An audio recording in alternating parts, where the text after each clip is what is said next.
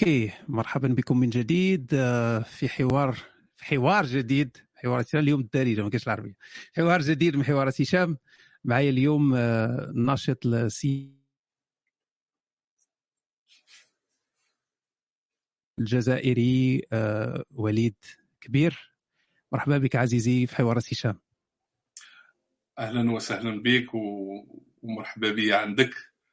وتحية لكم وشكرا على هذه الدعوة سي هشام. شكرا عزيزي شكرا لتلبية الدعوة. آه للأسف آه أي لقاء آه تيجمع المغاربة والجزائريين تكون آه دائما الموضوع هو النزاع الخلاف آخر آه تصعيدات. آه واش تظن أن يمكن شي نهار في الحياة ديالنا ماشي في المستقبل البعيد في حياتنا أن نفيقوا واحد النهار في الصباح ولقاو المحبة والسلام وبينات بينات هاد الشعبين اللي هما شعب واحد. وبكل صراحة سي هشام المحبه ما بين الشعبين عمرها ما انقطعت. المشكل هو مشكل سياسي بالدرجة الأولى. لأن الشعبين ما ولا على الرغم من هاد 60 سنة نتاع العداوة على مستوى آه، نظام الحكم في الجزائر تجاه المغرب كبلد كدولة. ما أثرتش ماشي ما ما ما, ما أثرتش بشكل اللي آه، اللي يقدر اللي أدى إلى يؤدي إلى فعلا قطيعة بين الشعبين. وإلا ما كناش نشوفوا آه، علاقات المصاهره بين المغاربة والجزائريين رغم غلق الحدود هذه 27 سنة. الجزائريين والمغاربة خصوصا في المهجر يتناسبوا ويتلاقوا ويتعاملوا ويديروا التجارة مع اذا المستوى الشعبين المحبه عمرها ما تنقطع وعمرها ما غادي تنقطع بل إن شاء الله إحنا دائما نتفائلوا. إحنا دائما نتفائلوا باش يكون المستقبل إن شاء الله للأجيال اللي تجي بعدنا. إحنا ضرينا بزاف الأجيال هذه اللي بعد الاستقلال ولكن نتفائلوا إن شاء الله الأجيال اللي غادي تجي بعدنا ما يعيشوش المأساة اللي عشناها حنايا القطيعة هذه آه، قد قد نشهد تغيرا. لكن في الواقع في هذا الواقع الحالي هذا لا أعتقد أنه سيكون انفراج في القريب العاجل. لأن ما يحدث حاليا هو أنا ما راني نسميه في هذه الأيام الأخيرة سميته هدوء يسبق عاصفة. للأسف. آه منسوب التوتر زاد خصوصا خلال هذه الأشهر الماضية. ويبدو آه، آه، أن النظام الحكم في الجزائر ما راش يتسم فقد الحكمة وفقد الرزانة اللي آه، رغم يعني الجيل الثورة اللي كانت عنده الشرعية الثورية في الحكم تاع حكم الجزائر إلى غاية نهاية حكم بوتفليقه كانوا أو يجيروا شوية لا لكن يبدو آه، هؤلاء الآن القائمون على الحكم في الوطن في البلاد. راهم آه، ما راهمش ما راش عندهم ديك الرزانة وما يتصرفوش ما راهمش يتصرفوا بالحكمة اللي تحمي بالأساس تحمي الجزائر لأن التهور هو خطر الجزائر بالدرجة الأولى خطر على بلادنا. على نقيض من ذلك وللأمانة. وما هيش آه، قضية أنني أنا مقيم في المغرب مثلا يعني هذه حقيقة. هناك حكمة من طرف القيادة العليا في المملكة تجاه تدبير العلاقات مع المغرب رغم كل ما حدث.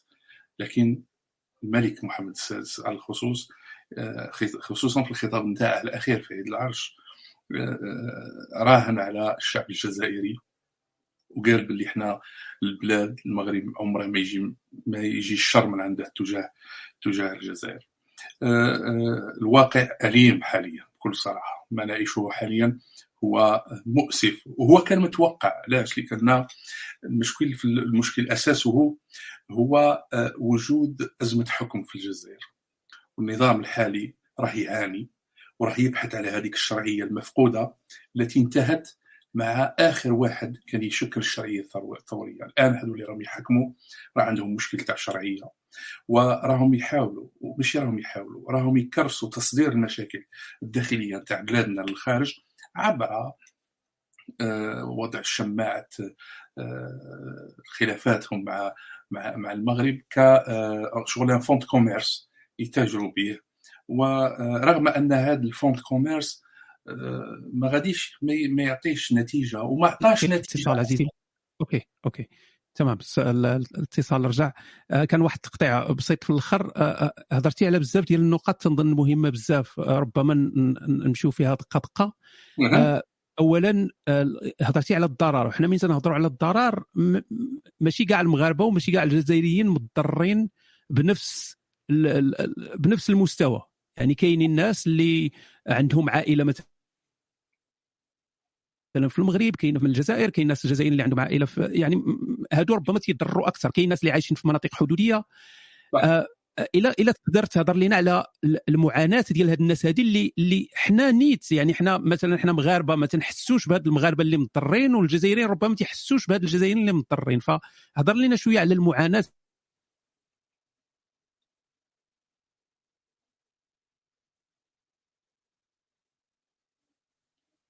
واحد شوية. المشكلة عندك هنايا. نعم نعم الآن الآن جيد الآن مزيان. كمل تفضل نعم. عزيزي. نعم. هو هو المعاناة الإنسانية راها كاينة ما بين العائلات اللي عندهم أواصر وعلاقات نسب ومصاهرة بين المغاربة والجزائريين وهذا عدد عدد نتاعهم وكنجيو نديروا له إحصاء. راه ملايين الغرب الجزائري فيه 10 ملايين نسمة. الشرق المغربي أقل من ناحية عدد السكان. هادو بيناتهم بيناتهم علاقات من أقصى الشمال إلى أقصى الجنوب. كل المدن اللي موجودة على الجانب الحدودي أو المدن الموجودة في الغرب الجزائري والمدن الموجودة في الشرق المغربي إلى امتداد إلى غاية الصحراء. هادو كلهم عندهم عائلات وكلهم عندهم علاقات أسرية. هادو اللي تضروا بشكل كبير من عدم وجود علاقات طبيعية بين الجزائر والمغرب. العائلات اللي موجودة على طرفي الحدود واللي ممنوع عليها كانوا قبل 2015 كان هناك تغاضي تعرف كانوا كانت كانت الأسر اللي موجودة على الحدود تتنقل عبر مسالك غير شرعية وتزور عائلاتها. وكانت وكانوا الطرفين يعني حرس الحدود لا الجزائر ولا المغرب كانوا متفاهمين هذا الوضع. لكن منذ 2015 قطعت تلك الطرق اللي كانت تخلي هذه العائلات تزور بعض على بعض وبالتالي فإن العائلات الجزائرية المغربية خصوصا المختلطة هذه عانت وراها تتعرض لعقاب نفسي من بسبب هذا الخلاف الموجود بين النظام والمغرب. لأن الخلاف هذا هو خلاف محتاجنا النظام. آه دي اللي اللي طرتي عليها أوكي آسف آسف صحابني كملت. كاين بعض مازال بعض التقطيع فآسف على هذه المشاكل التقنية لكن في المجمل آه، كل شيء غادي مزيان. آه, نعم كاين هذه الاضرار هذه وهضرتي كذلك أنك أنت ما تشوفش المستقبل على الأقل القريب ما تشوفش أن كاين غتكون شي حاجة مزيانة كاين توتر كاين غتكون مشاكل ربما تكون مناوشات. شنو هو السيناريو اللي تيبان لك أكثر آه، قربا للواقع؟ يعني الأقرب للواقع اللي غادي اللي غادي غيوقع في المستقبل القريب تنهضروا أنا أنا نظن وهذا حسب وجهة النظر نتاعي بقاء هؤلاء اللي راهم حاليا يسيروا هذا الملف تاع العلاقات مع المغرب في الحكم. بقائهم غادي يأزم الوضع. إحنا دائما نطالبوا بإسقاط النظام وتغيير النظام عبر ماهوش تغيير الأشخاص. لكن بعض الرموز اللي راهم في النظام حاليا راهم حابين التصعيد لأنهم عندهم واحد القناعة بأن التصعيد مع المغرب غادي يعزز الجبهة الداخلية. وهذه الفرضيه الخاطئة اللي راهم يديروا فيها غادي آه غادي آه كما يقولوا نضروا منها إحنا كبلدين. أنا لا أتوقع وجود انفراج في القريب العاجل. طالما هؤلاء هؤلاء الربع الرموز تاع نظام الحكم في الجزائر باقين في الحكم. لكن إذا وقع تغيير حتى داخل النظام لأن إحنا نشدو تغيير النظام بالأساس. لكن هناك احتمال يوقع تغيير داخل النظام في القريب. إذا وقع هذاك التغيير وسيطر على الحكم جناح عنده نظرة واحدة أخرى. نقدروا نتفاداو. نقدروا نتفاداو هذا هذا التصعيد ونقدروا نتفاداو الدخول مثلا في حرب. النظام هذا آه، راه يحضر دي زيتاب سيناريوهات حاليا من أجل التصعيد أكثر وذلك دائما كما قلت لك في إطار آه، في اقتناعه بتعزيز الجبهة الداخلية. وهذا النظام في عوض ما يفكر كيفاش يسترجع ثقة الشعب ويقنعه باللي لازم يمشي ينتخب ولازم يتيق مؤسسة الدولة. راه ينتهج هذه السياسة نتاع العداء مع المغرب. وراكم شفتوا الإعلام الرسمي والإعلام المعتمد في الجزائر. 70% دروك ولاو من الأخبار اللي تم تداولها موج يعني متخص يعني يتكلموا على آه، ملف الصحراء المغربية ويتكلموا على على المغرب. وهذا أمر خطير. هذا أمر خطير وغير وغير معقول وغير منطقي. لأنهم بهذه الطريقة راهم يكرسوا واحد واحد السياسة وواحد واحد الفكر نتاع آه، يعني يزرعوا في الشعب. ولو أنهم ما يقدوش لأن كاين مشكل تاع حكم في الجزائر راهم يحاولوا أنهم يشيطنوا لأقصى حد. المغرب ويأثروا في الرأي العام. اللي متوقع اللي متوقع هو أنه آه، التصعيد غادي يزيد. التصعيد غادي يزيد للأسف وهذه هذه ماهوش فقط تحليل وهو هذه معلومة. التصعيد غادي يزيد.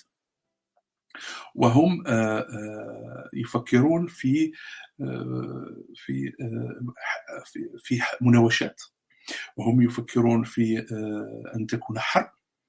جربوها في العرجة وما مشات لهمش لأن العرجة في مارس الماضي كانت كانوا بغاين بغاو بغاو يستغلوها باش باش يدخلوا في مناوشات مع المغرب والمغرب ما عطاهمش الفرصة والسكان في كيك تصرفوا بحكمة. إذا راهم يفكروا كيفاش يخرقوا المشكل اللي يقيموا عليه الحجة ويبينوا للشعب يقولوا لهم لأنهم لحد الآن ما ما قدروش يبينوا ويثبتوا على المغرب على أنه يعتدي على الجزائر. واش واش راهم فك... واش داروا مؤخرا؟ راكم شفتوا الحادث اللي وقع على الحدود؟ قال اعتداء إرهابي. راهم حاب راهم حابين يدسقوا تهمة الإرهاب بأنه بالمغرب على المناطق الحدودية بعد ما فشلوا في إثبات ذلك على مستوى منطقة القبائل. أنا من هذا المنبر. ناشد السلطات المغربية إلى التحلي. أخرى كاين بعض المشاكل التقنية لكن تنظن الاتصال دابا مزيان.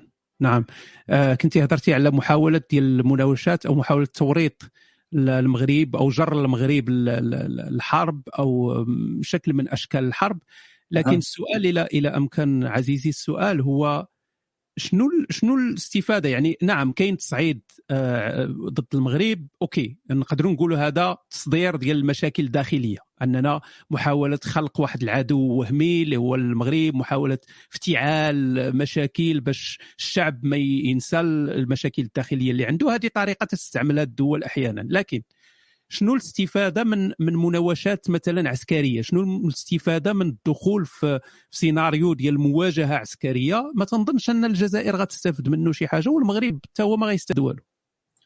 لا هي هي هي حتى واحد ما يستفاد.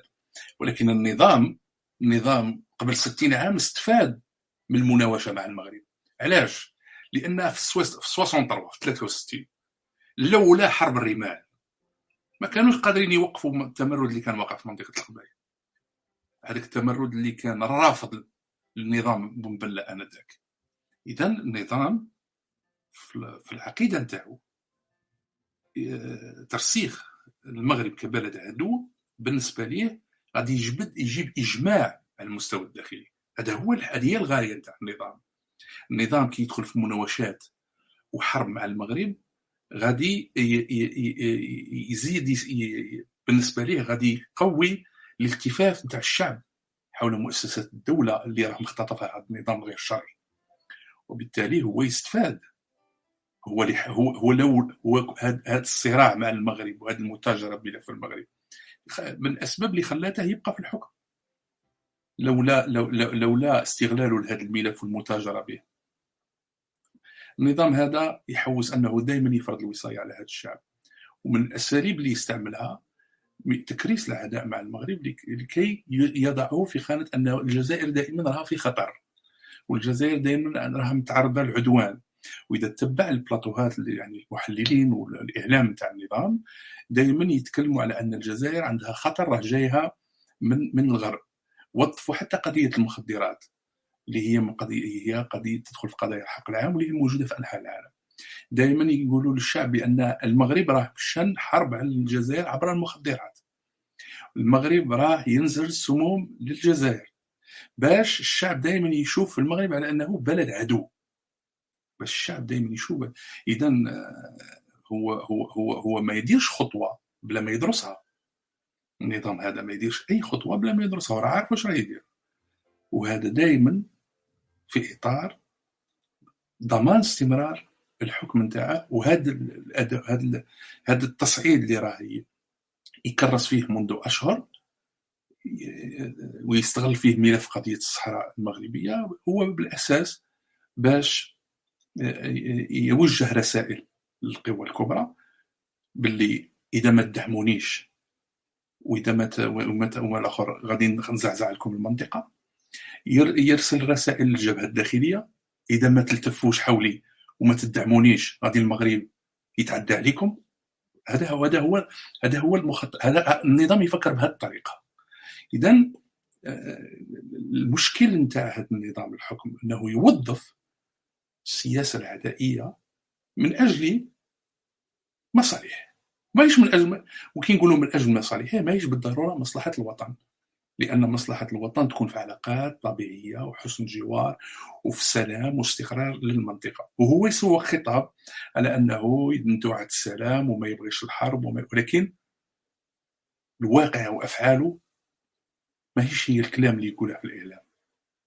هذا هذا هذا هي الغاية نتاع هذا النظام. بالمقابل في المغرب البلد راه يفكر كيفاش ينمي الاقتصاد نتاعه وكيفاش يعزز الارتباط نتاعه سواء على مستوى علاقاته مع الجنوب أو علاقاته مع الشمال وحاول كثيرا باش يساهم في بناء اتحاد مغاربي. وأنا هذه آه، هذا آه، تكرس عندما المغرب في بداية السبعينات تنازل على أراضيه وبنى وقع اتفاقية حدود من أجل بناء علاقات مع مع الجزائر. لكن هذا النظام للأسف تنكر لما وقع عليه وتنكر المعاهدات وأدخلنا في دوامة رانا نعاني منها منذ تقريبا 46 سنة. وما ما قدرناش نخرجوا منها بسبب بسبب التعنت وبسبب النية السيئة نتاع هذا النظام. توجه الجار نتاعه آسف جدا عزيزي أنا كان عندي بعض المشاكل ديال الاتصال تنظن راه تحلوا دابا. آه، آسف كذلك للناس اللي تسمعوا. آه، هضرنا على تصدير المشاكل الداخلية خلق العدو الوهمي. وهضرتي على شنو المشكل؟ يعني الأضرار مي بغيت نرجع شوية لأن آه، من من تنهضروا على على الصراع وعلى الخلاف نسميوها النزاع المغربي الجزائري. كاين بزاف ديال المحطات.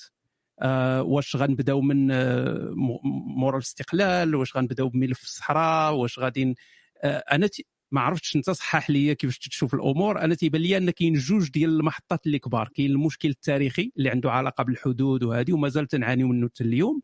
وكاين واحد المشكل اللي هو جديد. وهذا المشكل الجديد هو ديال المنافسة اللي كاينة دابا المنافسة الاقتصادية. كاين الكعكة كما تنقولوا ديال ديال إفريقيا ديال دول جنوب جنوب الصحراء العلاقات مع مع الغرب العلاقة ديال التحالفات شكون اللي مع الأمريكان شكون اللي مع روسيا شكون اللي مع هذه التعامل مع الاتحاد الأوروبي. واش واش تتشوف بأن بحال اللي انتقلنا من المشكل القديم ديال مجرد حدود يعني هذه ديالي هذه ديالك انت تتساند هادو انت تتساند هادو. وصلنا اليوم شكون اللي غادي يسيطر اقتصاديا؟ كما تيسميوها بال بالونجلي تيقول لك ال soft power يعني ديك القوة الناعمة. اللي شكون اللي غيكون مسيطر في المنطقة؟ كقوة باش ما نقولش قوة إقليمية لأن هذه تتعاود بزاف. نقول القوة الناعمة شكون اللي غيكون هو القوة الناعمة في المنطقة؟ والجزائر ربما تتشوف بأنها كانت في واحد الوقت عندها واحد القوة ناعمة كبيرة وبدات تتنقص بسبب التنافس الاقتصادي ديال المغرب وحتى تونس من من الجهة الشرقية. شو رأيك؟ الهيمنة والتنافس ماهوش وليد اليوم. لا هذا الفكر عند النظام الحاكم في الجزائر موجود منذ الستينيات.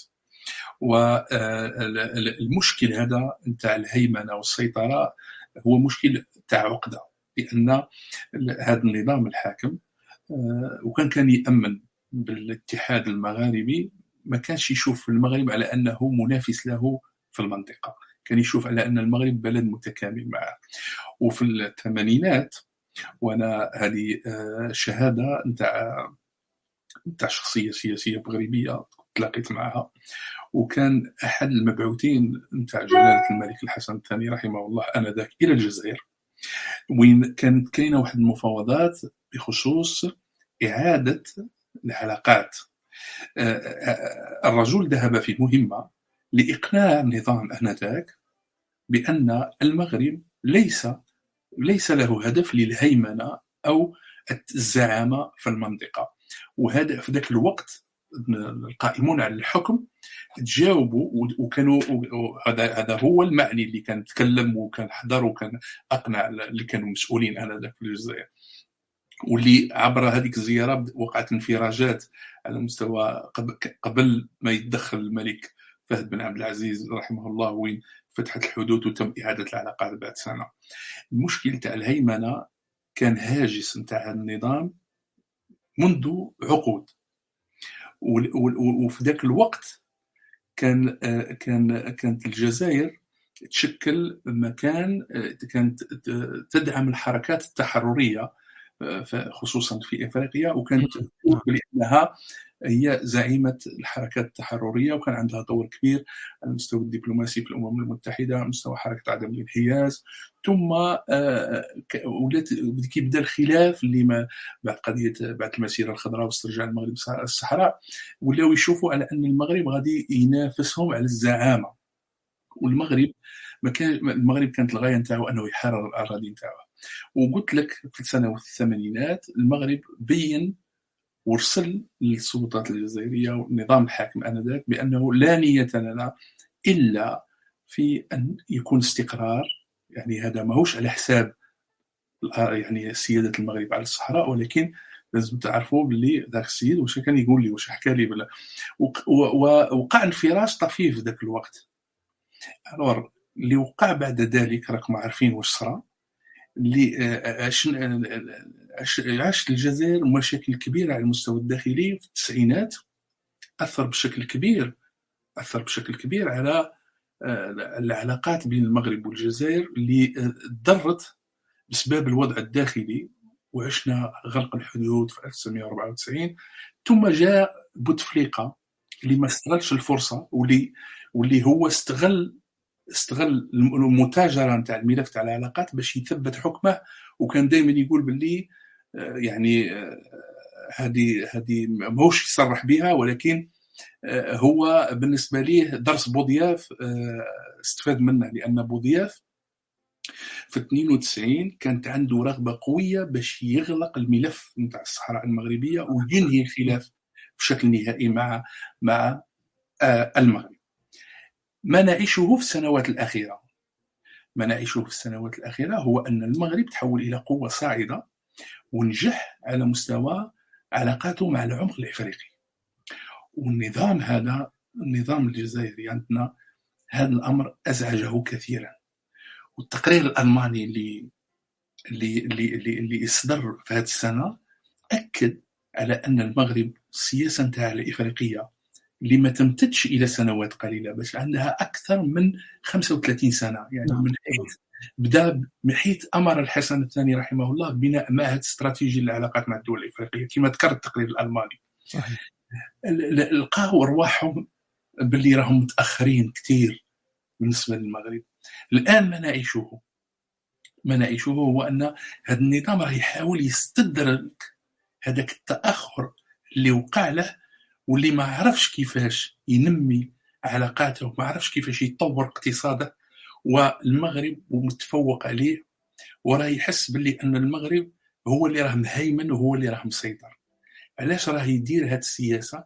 باش يكسر المغرب يكبح جماحه على المستوى الاقتصادي ويستعيد هذيك الزعامة اللي بالنسبة ليه تخليه هو القوة الإقليمية الأولى في في المنطقة. رغم أن هذا النظام الظروف والإمكانيات اللي توفرت له ما توفرتش للمغرب.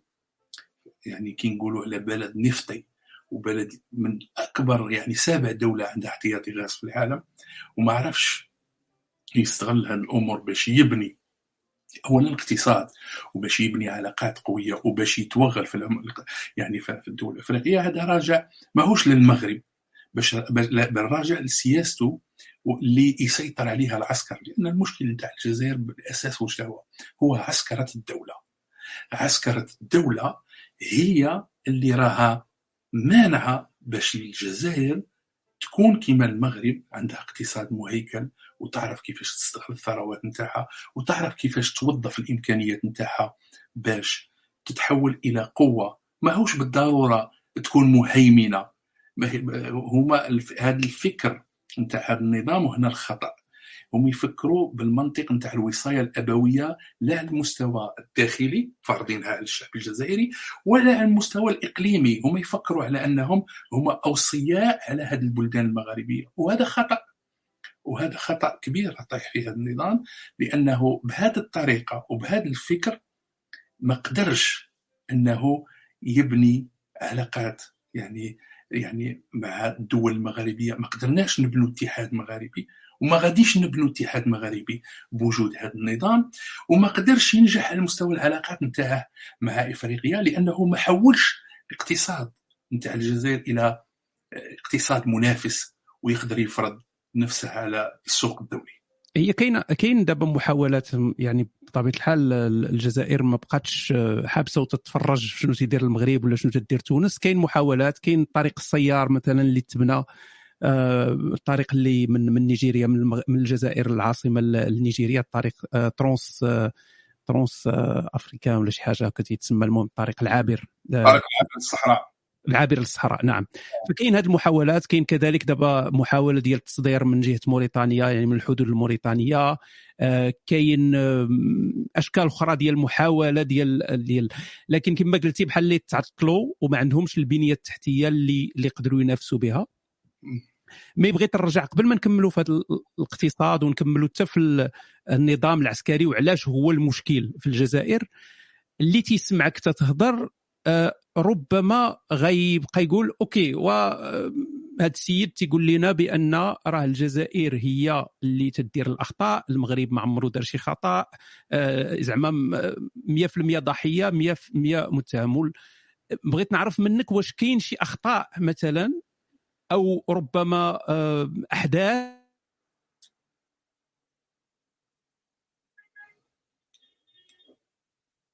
يقول بأن كان من الخطأ فرض.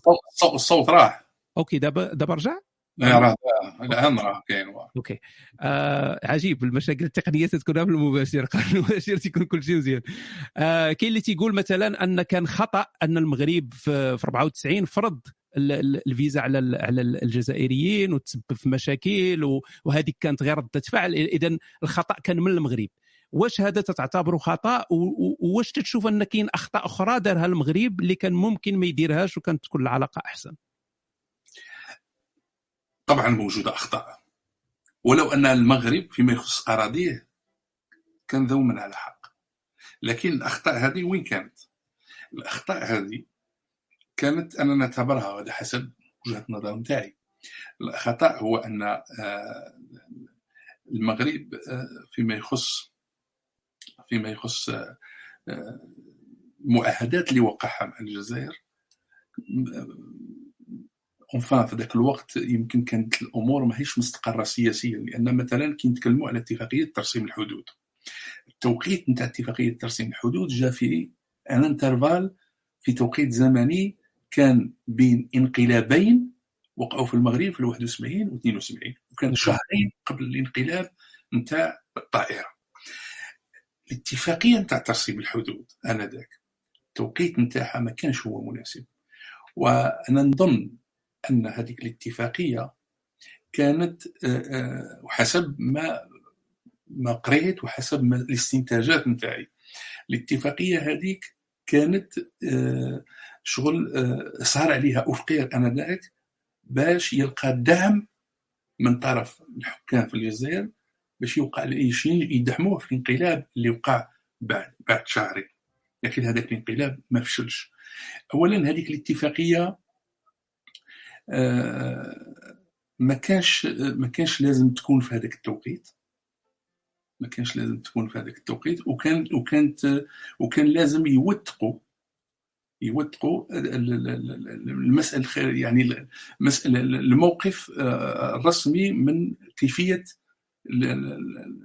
دعم الجزائر للمغرب في قضية الصحراء لأن نهار اللي وقت توقيع اتفاقية ترسيم الحدود بومدين صرح بومدين صرح بأنه سيدعم المغرب في مسألة استرجاعه للصحراء من احتلال الإسباني لكن هذا ما كانش. ما كانش موجود مثلا في المعاهده ما كانش موجود أيضا c'était pas clarifié les choses في les accords هذوك نتاع 72 كان كان غير اتفاق قول ما موثقش. ما موثقش. نعم. هذه الأخر الحاجة الزوجة قضية الصحراء. قضية الصحراء المغرب ما كانش آه، في 1976 آه، تساهل كثيرا فيما يخص حسم دعم النظام العسكري آنذاك الحركة الانفصالية البوليساريو في موقعة انغالا أنت جاك أن كادو حتى لعندك. يفالي جيش جزائري متوغل ب 300 كيلومتر المفروض في ذاك الوقت كنت تنهي مسألة دعم. يعني تحرر هذوك المحتجزين مقابل أنك تحرر الجنود اللي أسرتهم في موقعة امغالا اللي دخلت فيها مصر آنذاك ورسلت الرئيس حسني مبارك. هنا المغرب كما يقولوا أضاع خاطر وكان تم حسم مشكل الصحراء انذاك في 76 وكماناش عايشين هذا المشكل اليوم؟ لأن بومدين وأنا كنت نشرت فيديو إلى غاية 10 نوفمبر 1975 كان يرى أن أطراف اللي عندها علاقة بملف الصحراء المغربية هي المغرب موريتانيا والجزائر. ما كانش يقول جبهة البوليساريو ما كانش يقول الشعب الصحراوي كل هذا الشيء وقع في فيفري 76 وهنا وهنا المغرب كي جاته فرصة ما عرفش يستغلها باش يحسم القضية لصالحه. هذه نقطة. النقطة الثانية الخطأ ارتكب في 1994 عندما آه، أعطى يعني هذاك هذيك العملية الإرهابية اللي وقعت في مراكش واللي آه، واللي آه، يقولوا الأقرب إلى الفرضية أن النظام هو النظام العسكري باش يخلي الإرهاب ما يبقوش يعني كنا نعيشوا حرب أهلية واعمال إرهابية داخل الجزائر باش يبقى الإرهاب ماهوش ماركة مسجلة فقط بالجزائر بغى يصدره وصدره فعليا دار وقع حدث احداث أحداث مراكش في 94 وقعت احداث في باريس في 1995 صحيح نفس الوقت. حادثه المترو مترو الأنفاق في في في في 1995 أنذاك القرار نتاع تعامل السلطة يعني مع مع الجزائريين هذا كان قرار خاطئ. هذا كان قرار خاطئ أنذاك وكي تتمعن في الخطاب نتاع الملك مؤخرا فايد العرش وتتمعن في البيان نتاع الخارجية عقب قطع العلاقات. واش نستنتجوا نستنتجوا بلي المغرب قرر على أنه لا يقحم الشعب الجزائري في صراع النظام الحكم في الجزائر معه. وهذا ما معناه؟ هذا معناه أنه حتى وإذا أقدم النظام على فرض التأشيرة على المغاربة فإن المغرب لن يفرض التأشيرة على الجزائريين. وهذه شفناها فاش. شفناها إذا ما قرر النظام مؤخرا غلق المجال الجوي أمام الطيران المغربي. المغرب لم يرد بالمثل. المغرب لم يرد بالمثل. وراني متأكد لأن أو لو كان السلطات الجزائرية تقول باللي نبعث طيران شركة الخطوط الجوية الجزائرية إلى المغرب المغرب ما غاديش يرفض علاش؟ لأن المغرب اختار الشعب الجزائري كصديق وشقيق له. يعني المغرب الآن الشعب الجزائري بعده الخلافات نتاع النظام معه اللي وقع في 94 هو وقع خلط. تفرضت التأشيرة على الجزائريين واستغل النظام هذيك النقطة ومشى غلق الحدود. ما تعاملش بالمثل. هو ما تعاملش بالمثل لأنه كان بغى يتعامل بالمثل. ما كانش يغلق الحدود في 94 لأن المغرب في 94 ما غلقش الحدود. المغرب فرض التأشيرة وكان خطأ. وكان هذاك وهذا هذا الخطأ استغله النظام. استغله النظام لصالحه باش يغلق الحدود وبقى يتاجر بمعاناة الناس لأكثر من ربع قرن ولحد الساعة. اذا كاين هذا الخطأ نتاع 94 كاين الخطأ نتاع 72 ونقدروا نقولوا أنه في 63 وقع في الفخ على خاطر الحاله نتاع النظام انذاك الجزائري ما كانش مسيطر على الجزائر كما يلزم. ما كانش مسيطر على الجزائر كما يلزم وكان عنده تمرد والمغرب آه، آه، كان ينتظر منه باش يدخل معه في المفاوضات اللي اللي تم الاتفاق عليها في جوان 1961 بين فرحات عباس والحسن الثاني رحمهم الله. ولكن ماذا وقع في الجزائر؟ آنذاك قبل ما تستقل وقع انقلاب الحكومة المؤقتة. وبعد الانقلاب على الحكومة المؤقتة العسكر سيطروا على الحكم. المشكل بين الجزائر والمغرب أساسه سيطرة العسكر على السياسة في الجزائر لأنه السياسي السياسي مستحيل أنه يبقى 60 عام بلا ما يقحل مع جاره مع سياسة إذا العسكرة هي le grand obstacle و OK خلينا نهضروا آه، عزيزي على هذه المسألة بالضبط لأن للأسف مرة أخرى للأسف الإنسان بطبعه يعني هذه طبيعة الإنسانية هي ديال دائما نحن ضد الآخر عندنا ديك العاطفة تجاه الأوطان أنا كمغربي لا سمعت مثلا الهضرة خايبة على المغرب تيضرني خاطري خصني ندافع خصني نفس الشيء بالنسبة للجزائر وهذا شيء عادي جدا لكن المشكل ديالنا ربما هو أننا تنخلطوا آه، الحب الوطن والانتماء للوطن تنخلطوه بالأنظمة اللي تتحكم الوطن. يعني وكأنك اذا كنت ضد مثلا النظام الجزائري أو ضد النظام المغربي أو أي نظام كما كان راك ضد الوطن. آه. أو أو أو أنت خائن أو يعني تخون وتلقب بكاع هذه الألقاب هذو فواش تظن أن هاد الشعوب هذه أنا مثلا للأسف تنشوفوا دائما السلبي. مواقع التواصل الاجتماعي تنشوفوا غير السلبي لكن الغالب أكيد أنه إيجابي. واش تشوف أن الشعوب بدأت تتفيق بدأت تتعيق بأنه اذا كان شي مشكل سياسي بين أنظمة راه ما تعنيش هذا بأن راه كاين مشكل بين بين الشعوب. هو هو فعلا الناس بدأت تفيق لكن مازال رانا بعاد على هذاك الوعي السياسي اللي يقدر يشكل. يتحول إلى قوة تأثر على القرار السياسي. غادي نقول لك علاش.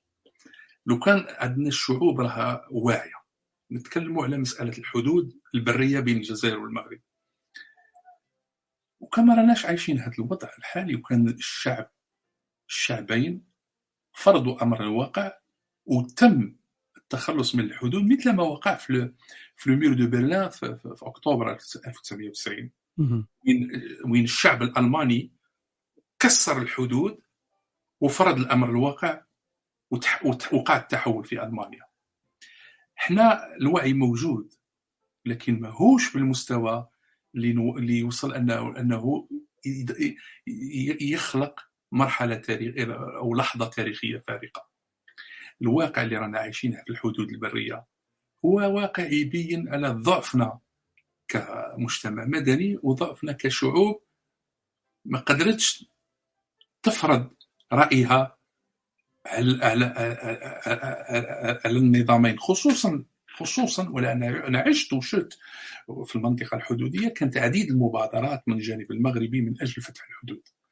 لكن في الجانب الآخر عندنا في الجزائر ما هي في pas une manifestation اللهم إذا استثنينا محاولة من طرف أحد الحقوقيين ومن الأصدقاء نتاعي اللي مشاو وغامر بنفسه ومشى وقف في الحدود وقال خاصنا نفتحوا الحدود لكن لا يكفي. لا لا لا يكفي. هذا هذا الوعي وسائل التواصل الاجتماعي وعات الناس ولكن مازال. ماشي بنفس ماشي بمستوى كافي. آه أوكي. آه آه نحاولوا نحاولوا نهضروا دابا إلى إلى أمكان عزيزي على آه، نشوفوا نحطوا راسنا في الموقف ديال آه، النظام الجزائري ونحاولوا أننا نتعاملوا معاه بتعامل عقلاني ونشوفوا ربما هو عنده الحق في شي حوايج. آه ربما كاين فعلا واحد المؤامرة آه ديال المغرب على على على الجزائر كما يقول. ربما كاين يعني شنو هي الأدلة؟ لأن اي أي أي تهمة خصها أدلة باش تثبت فاحنا تنسمعوا التهم. أنا تنحاول دائما أنني نتجرد من ديك الفكرة ديال أنا مغربي اذا خصني دائما نكون مع المغرب ظالم أو مظلوم. أنا باغي نفهم باغي نفهم باغي نعرف بصح يعني شنو كاين. يعني إلا اتهمتي خاص يكون عندك الدليل. شنو هي الأدلة اللي تتشوفها؟ أدلة قوية عند النظام الجزائري اللي تثبت أن المغرب آه، هو اللي دار العيب كما تنقولوا أو هو اللي هو اللي حوس علينا كما قال الرئيس. صدقني إذا كان لو كان كاين دليل قوي على أن المغرب راه يعتدي على الجزائر كان النظام ما يترددش في طرحه وكان يلقى تجاوب من طرف الشعب الجزائري ويصدقه. لكن أنا نظن أن هذا الاعتداء هو شكل آخر جاي بشكل آخر. الاعتداء أنا في نظري نتاع المغرب على الجزائر جاي في النجاحات اللي المغرب حققها على المستوى الإفريقي.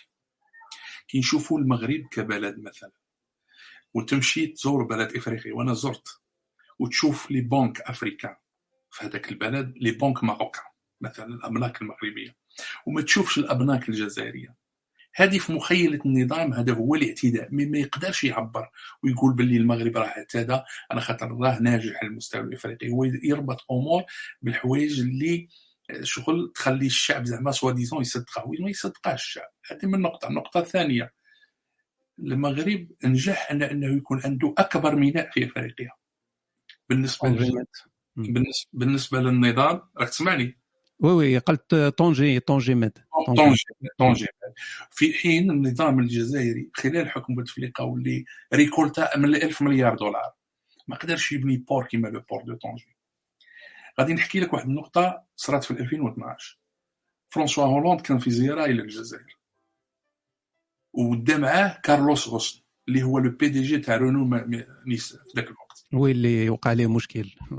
وكانوا في وكانوا وكانوا في تلمسان وكارلوس طلب من هولوند باش يتكلموا على فتح الحدود مع المغرب من أجل أنه في ذاك الوقت لازم les pièces de rechange اللي كاينين في مصنع طنجي كيمشوا par par route l'autoroute من طنجة لوجدة يعني غادي يختصروا الوقت بالنسبة لبناء مصنع رونو في الجزائر.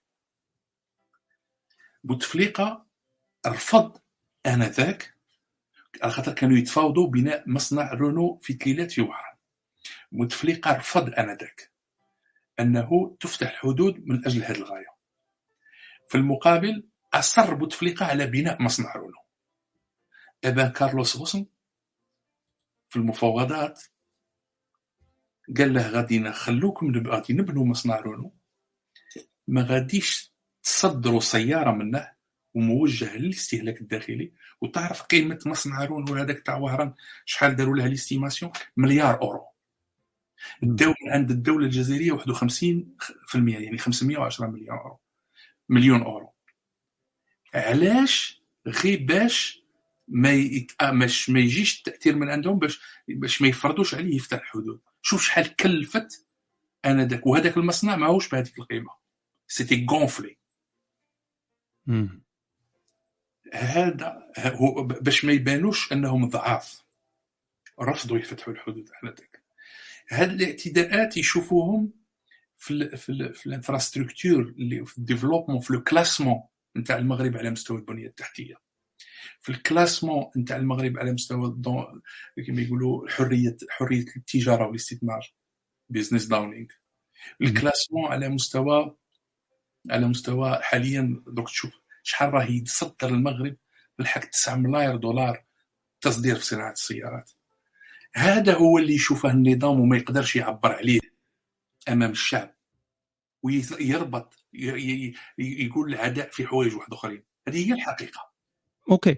آه بالنسبة okay كاين كاين مسألة ديال التصعيد والاتهام وهذه ولكن كاين شوية ديال ربما حتى الجزائريين حتى هما ربما ما عرفتش ولكن ربما حتى هما تيشوفوا بأن كاين شوية ديال المبالغة يعني وصلنا لذاك الخطاب اللي ديال نقدروا نقولوا خطاب ديال الشارع يعني ما تيقولوش واحد واحد رئيس ولا واحد دبلوماسي نورمالمون تنعرفوا يعني واخا توصل في الحرب العالمية الثانية وما كناش تنوصلوا لذاك الحجم ديال إنك تقول تحوس عليا تلقاني ونديروا لك وهذه ومن هنا ديك ديك الهضرة شوية عدائية اللي ما تجيش من من من رئيس دولة.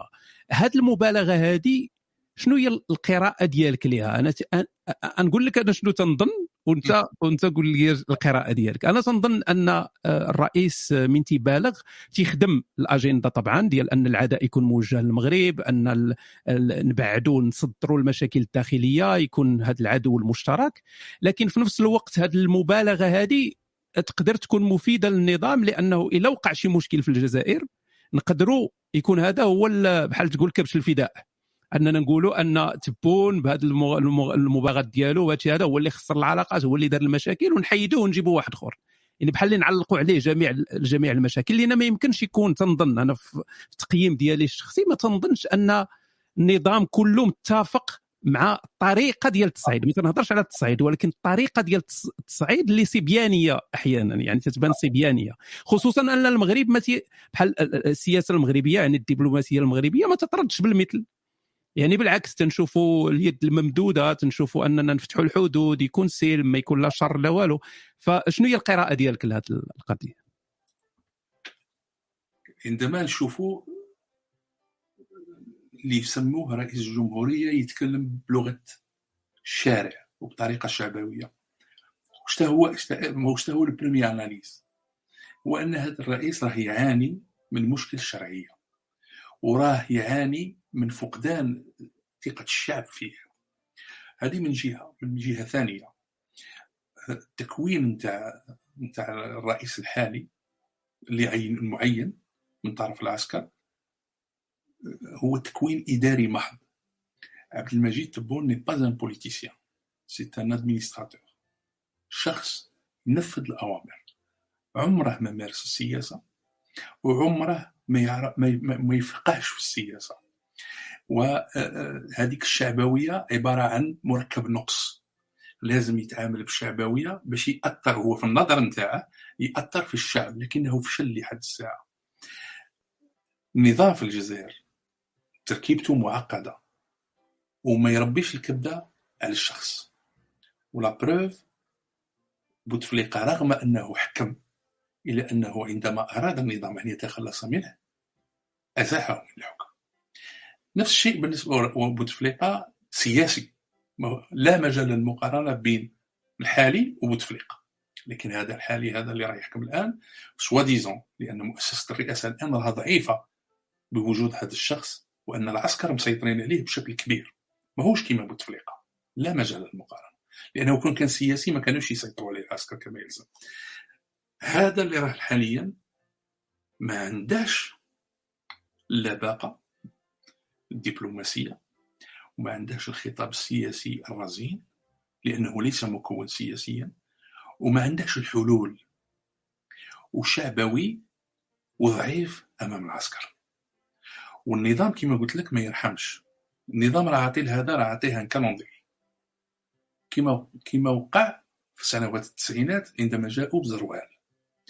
هذا راه عنده تروا ثلاثة نتاع الموائد الانتخابية فشل فيهم هما ما يبغوش يقولوا هما ما يقولوش للشعب انهم فشلوا ولكن داخل دواليب السلطه على مستوى عالي راه عندهم مشكل كبير نتاع العزوف نتاع الشعب في الانتخابات. إذا فشل في الموعد الرابع اللي غادي يكون في 27 نوفمبر القادم أعتقد وهذه وجهة النظر نتاعي أنه يعني كي نقولوا فشل يعني نسبة المشاركة ما غاديش تكون فوق 30% سيفكر النظام جديا في ازاحته وهذا هو المتوقع. وهذا هو المتوقع لأن النظام حاليا راه يفكر. كي نقولوا النظام على خاطر كاين أطراف داخل السلطة كاين أجنحة. راهم يفكروا كيفاش يستبدلوا هذا الرجل الذي لحد الآن ما قامش بزيارة لأي مدينة في الجزائر ومازال ما خرجش للشعب. راهم يفكروا كيفاش يغيروه. خصوص ولكن تغييره غادي يكون خاضع لواحد الحجة اللي بها يبنوا عليها كما يقولوا التغيير ويرغموه سواء على تنظيم انتخابات رئاسية مسبقة والاستقالة سواء الاستقالة الفورية.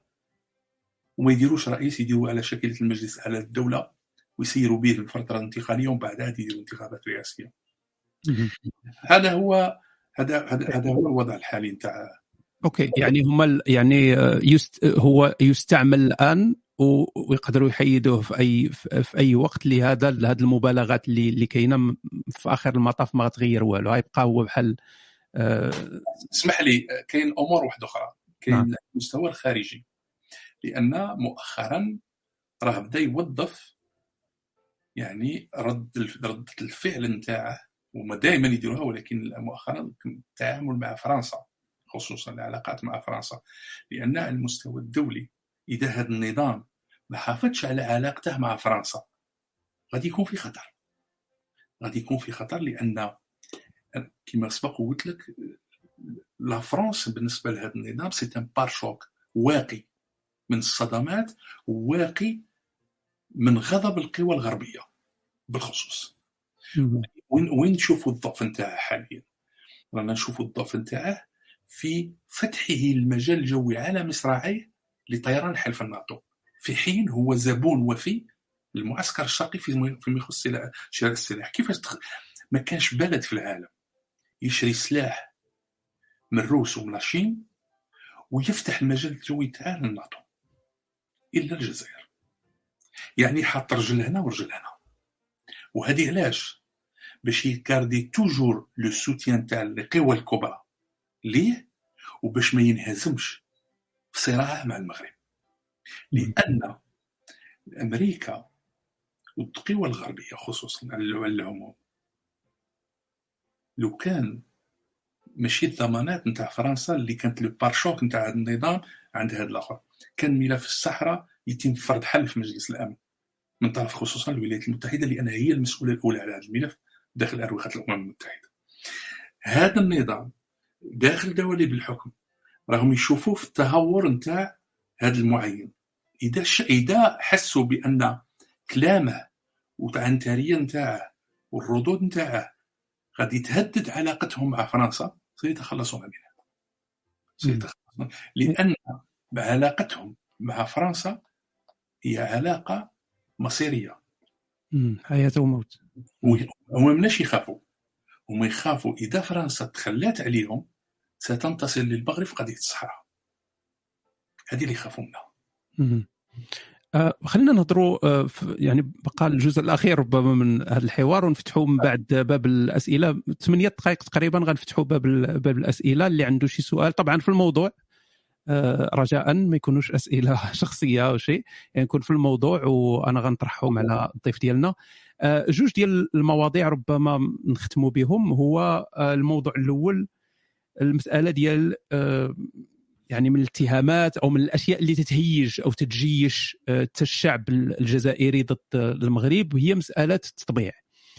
آه، واش التطبيع كان السبب ولا كان التطبيع هو فقط بحال تقول خدم هذه المصلحة ديال ديال العداء المغرب أو لا فعلا كاين مشكل مع التطبيع؟ لأن تنشوفوا دول اللي ماشي غير مطبعة مع إسرائيل اللي مستضفه إسرائيل عندها وما عندها والنظام الجزائري ما عندوش مشكل مع الدول. اذا هي ماشي مشكل في الأصل ديال التطبيع هو مشكل ديال المغرب مطبع. اذا غن غن نديروا ليه تهمه جديدة ديال ديال التطبيع وأنه يتحالف مع الصهاينة وغيدخل لنا الصهاينه لشمال إفريقيا. وهاد هاد الاتهامات. يعني شنو اللي تيبان لك صحيح في هاد الاتهامات؟ شنو اللي تيبان لك خطأ؟ هذه مسألة التطبيع قبل كل شيء. أنا هذه القناعة نتاعي. النظام الحاكم في الجزائر إسرائيل ليست عدوة ليس عدوا لها. أبدا. لو كانت إسرائيل عدوا لنظام الحكم في الجزائر لدعم المقاومة في العالم. لوافق على طلبات حركة الحماس من أجل إهمال غزة. لو وافق على طلب حركة حماس الذي تم توجيهه له في سفارة الجزائر في أنقرة من أجل زيارة رموز الحركة الجزائر واللي رفضها. النظام ليس ليس قبل أوسلو قبل 93 أشهد للنظام الحكم على أنه دعم القضية الفلسطينية وكان يحتضن وكان يدير معسكرات تدريب وكان فعلا. لكن منذ أكثر من تقريبا 30 سنة لم يعد ذلك لم ت... لا لا لا لم تعد إسرائيل فعليا بلد عدو بالنسبة لهذا النظام. بالنسبة لهذا النظام خصنا نفرقوا بين النظام والشعب. التطبيع أو العلاقات إعادة العلاقات الدبلوماسية بين المغرب وإسرائيل كانت فرصة ينتظرها النظام. هذيك الفرصة اللي تخليه يتاجر بهذا الملف على المستوى الشعبي على المستوى الداخلي ويصور على أنه هناك تحالف بين إسرائيل والمغرب موجه ضد الجزائر. وهذا من الأسباب اللي بنى عليها قطع العلاقات الدبلوماسية مع المغرب. نظام العدو نتاعه الأزلي والأوحد هو المغرب فقط كدولة. لخاطر المغرب كدولة تشكل هذا النظام عقدة بالأساس تاريخية. هو يشوفها على أنه بلد قديم ودولة عريقة ودولة وهو حاول على أنه شغل هذاك العقدة نتاع التاريخ يحاول أنه يحاربها ويبان أنه قوي قدام دولة تمتد لأكثر من 12 قرن والأسرة الأخيرة اللي تحكم عندها قريب أربع قرون. هذه هي العقدة نتاع هذا النظام. المغرب كان قادر يقيم علاقات مع إسرائيل في السبعينات ومن الثمانينات لكنه صبر ولكنه كان دائما كما يقولوا يقول باللي هذا النظام ما غاديش كما يقولوا غادي يجي نهار وين غادي مشكل الصحراء يتحل. لكن هذا النظام هو أنا في الوجهة تاع النظر نتاعي هو اللي أرغم المغرب على أنه يغير تحالفاته من أجل الدفاع على أراضيه. كي نشوفوا نهار صرات لوبيراسيون تاع الكركارات في 13 نوفمبر 2020 الإعلام تاع النظام تحول إلى إعلام حرب. وقعدوا يجيبوا الناس في البلاطوهات ويقولوا بس أنا نمسح المغرب وسندمر في المغرب في عشر ساعات. الشعب المغربي قاعد يشوف بلي هذا النظام في الجزائر يشكل خطر عليه. المغرب لما تم الإعلان على الاعتراف الأمريكي بسياده المغرب على الصحراء مع توقيع الاتفاق الثلاثي لا رياكسيون تاع الشارع المغربي دخلت في الذهنية نتاعها الخطر اللي راه يهدد به النظام الحكم في الجزائر تجاه المغرب. على هذا أنا تبعت واش صرا؟ كانوا اللي كانوا رافضين إعادة العلاقات والتطبيع مع إسرائيل. لكن هذاك جبهه الرفض ما تشكلتش ما كانتش قوية في مستوى الشارع. في حين الغالبية العظمى تجاوبوا مع القرار نتاع الملك وقالوا باللي السياسة الخارجية وهذا القرار يخدم مصلحة المغرب. إذا النظام الحاكم في الجزائر هو اللي دفع المغرب. إلى أن خاطر كان وكان ما دفعش وهذا هذا اللي كسم الموقف نتاع الدول جميع الدول العربية. لأن كي نشوفوا المغرب كبلد اللي راهم يقولوا يسوق النظام على أنه خان القضية الفلسطينية. ما كانش بلد عربي خدم القضية الفلسطينية. أنا راني نقولها لك بناء على معطيات تاريخية قد المغرب. علاش؟ لأن في 69 لما تم حرق المسجد الأقصى. المغرب آنذاك عقد أول مؤتمر منظمة المؤتمر الإسلامي في الرباط. وفي هذاك الوقت كان المغرب مازال ما اعترفش بموريتانيا كدولة. وبومدين آنذاك رحمه الله. ضغط على الحسن الثاني باش يوجه دعوة لمختار ولداد رئيس موريتانيا. ومن أجل فلسطين ومن أجل القدس آنذاك نازل المغرب على المطالبة ببلد أراضيه اللي هي موريتانيا واللي تشكل أكثر من مليون كيلومتر مربع. هذه ما يقولوهاش ما يقولهاش النظام c'est normal على خاطر هذه. وهذه هي الحقيقة. هذه هي الحقيقة.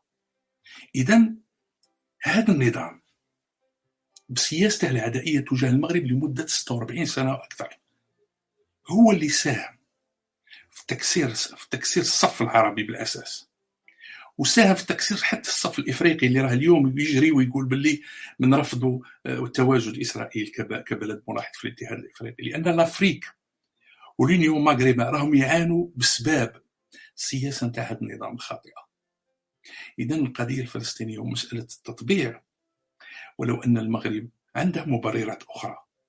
عنده مبررات أخرى وهذه تدخل في إطار السياسة الخارجية وقراره السيادي لأنه لا يحق وكان قالها مؤخرا المعين على قصر المراديه إحنا عمرنا ما دخلنا في العلاقات بين الدول وهما نهار اللي المغرب اعاد العلاقات مع إسرائيل أقاموا الدنيا ولم يقعدوها في حين عندما تم تطبيع العلاقات بين الإمارات اللي عندها استثمارات فوق 15 مليار دولار في الجزائر وفي الميدان العسكري لم يحركوا ببنت شفا يعني ما تكلموش. وهنا تشوف لا كونتراديكسيون وهنا تتأكد على ان العدو نتاع هذا النظام ماهوش إسرائيل. وهذه غير شماعة يستعملها. نعم أنا هادشي اللي أنا تيبان لي يعني ديك ازدواجية التعامل ديك التعامل خاص واحد يكون آه، مستقر في ال في ال في الاختيارات ديالو تي إلى إلى عندك مشكل مع إسرائيل إذا خاص يكون عندك مشكل مع كاع الدول اللي تتعامل مع إسرائيل. ف ونزيد واحد النقطة أخرى. آه. الطيران البريطاني والأمريكي اللي صولوا يجول في السماء الجزائر. شكون هي بريطانيا وشكون هي أمريكا؟ لا نعم. ماما ماما نعم أكيد أكيد. إذا كان إذا كنت تقول أنك أنت ضد هذه إسرائيل وشكون شكون شكون شكون اللي يدعم إسرائيل بالعلن ويوميا وشكون شكون اللي ولد إسرائيل؟ شكون اللي عطاها وعد بلفور شكون اللي عطاها شكون؟ بريطانيا وأمريكا. هادو عايشين في تناقض. وهادو عايشين dans schizophrénie هادو عايشين في تناقض و schizophrénie ويحسبوا. يحسبوا أن هذيك السياسة اللي كانت كاينة في الستينات راها تاكل اليوم. راهم غاديين. ومنظمة التحرير الفلسطينية بنفسها مطبعة مع إسرائيل الفلسطينيين أنفسهم. آه آه طيب إذا آه غنفتح باب ديال الأسئلة لأنه وصلنا الوقت ديال الأسئلة. كانوا أسئلة كثيره دازت آه إلى ممكن تعاودوا تحطوهم لأن دازوا يعني خصني نرجع بزاف باش نجبدهم. من الأحسن عاودوا ديروا لهم كوبي كولي ولا شي حاجة. غنبدأ بأول سؤال ديال الأخ آه، خالد أو تيبان في الشاشة كذلك. في نظركم من هي الدولة أو الجهة أو الجهة التي ممكن من الممكن أن تقوم بدور الوساطة لدرء الشرخ بين البلدين؟ صدقني آه، حاولت بعض الدول على أنها تساهم في حل المشكل ولكن وقتاش يكون دور الوساطة عنده عنده قيمة وعنده فاعلية. عندما تكون الطرفين تتوفر لهم النيات. هنا رانا أمام حالة غريبة. عندك طرف اللي هو النظام الحكم في الجزائر لا يمتلك النية الصادقة يختبئ وراء دمية يدعمها. وما ما يقولش واش راه باغي. وكاين بلد راه يمد يده رغم أنه مظلوم وباغي يبني علاقات وبين للعالم على أنه باغي السلام مع البلد الجار. هنا في هذه الحالة أي لن تنجح أي وسطة. ومهما كانت ولو أنه آه، آه، الوساطة أو حل هذا المشكل مرتبط عفوا مرتبط بميزان علاقات هذا النظام مع القوى الكبرى. إحنا من الأشقاء العرب خصوصا دول الخليج حاولوا عدة مرات باش يلقوا حل هذا المشكل ولكن فشلوا. اللي قادر أنا بالنظر نتاعي قادر يكون آه، آه، يحل هذا المشكل يعني بين هذا النظام وبين المغرب كبلد جار هو هي فرنسا. نعم علاش فرنسا؟ لأن فرنسا عندها ارتباط تاريخي بالمنطقة. فرنسا مسؤولة مسؤولة تاريخيا على إذكاء هذا الصراع لأنها استفادت من هذا الصراع. استفادت عبر حماية مصالحها في الجزائر وفي المغرب. فرنسا هذه خبات علينا الأرشيف اللي هو كان قادر يغير مجرى التاريخ وقادر يغير النظرة نتاع العالم تجاه ويكشف الحقيقة نتاع الأكاذيب نتاع هذا النظام فيما يخص ملف الصحراء المغربية. اذا فرنسا أنا بالنسبة لي أوكي جميل. هي اللي قادرة تكون. آه أنا أميل إلى هذا الرأي. جيد. آه ندوزوا لسؤال الأخ جمع جمع. آه هل عقدة الجنرالات لها علاقة بوفاة بومدين حيث يعتقدون أن المغرب دور في وف في وفاته. لا لا ابدا. النظام لا النظام لم يتهم ولا مره المغرب أنه كان عنده دور في وفاته. لا ابدا. بالعكس بالعكس. أوكي. اللي يشكوا فيه في, في الشرق الأوسط بلدين في الشرق الأوسط. okay. آه كان في دمشق وهم يشكوا في العراق. آه سؤال من الاخ رشيد من زرع الحقد بين الشعبين؟ المستعمر طبعا. okay. المستعمر بالأساس. جميل. اسم الدخيل السؤال من الأخ محمد عبد الهادي. هل يفكر نظام العسكر الجزائري جديا في الحرب مع المغرب كما صرحت بون في الندوة الصحفية الأخيرة أم أن الأمر مجرد كلام للتأثير على المشهد السياسي الإقليمي؟ نعم يفكر جديا في الحرب مع المغرب. صح. آه صح ليس مجرد كلام لا لا تأخذ الأمور ببساطة آه صحيح سؤال في نفس المنحى هل يمكن للجزائر أن تشن الحرب على المغرب وهل هم قادرون على الحرب؟ آه، الحرب ما يقدر عليها حتى واحد لأنها مكلفة جدا. الحرب يمكن أن تشن حرب احتمال كبير وأنا ما نقولش الجزائر النظام يبحث أصلا على حرب من أجل حل مشكلته الداخلية. okay. سؤال الاخ انس هل سقوط نظام العسكر ممكن؟ وكيف يمكن أن يتنحى عن الحكم؟ سقوط نظام العسكر مرتبط أساسا بدور الشعب في تحمل مسؤوليته التاريخية وإيقاف الدعم الأنظمة اللي تراعي فقط أو القوى الكبرى اللي تراعي فقط مصالحها على حساب الشعب الجزائري وعلى حساب بناء دولة مدنية ديمقراطية. كيف يمكن أن يتنحى الحكم؟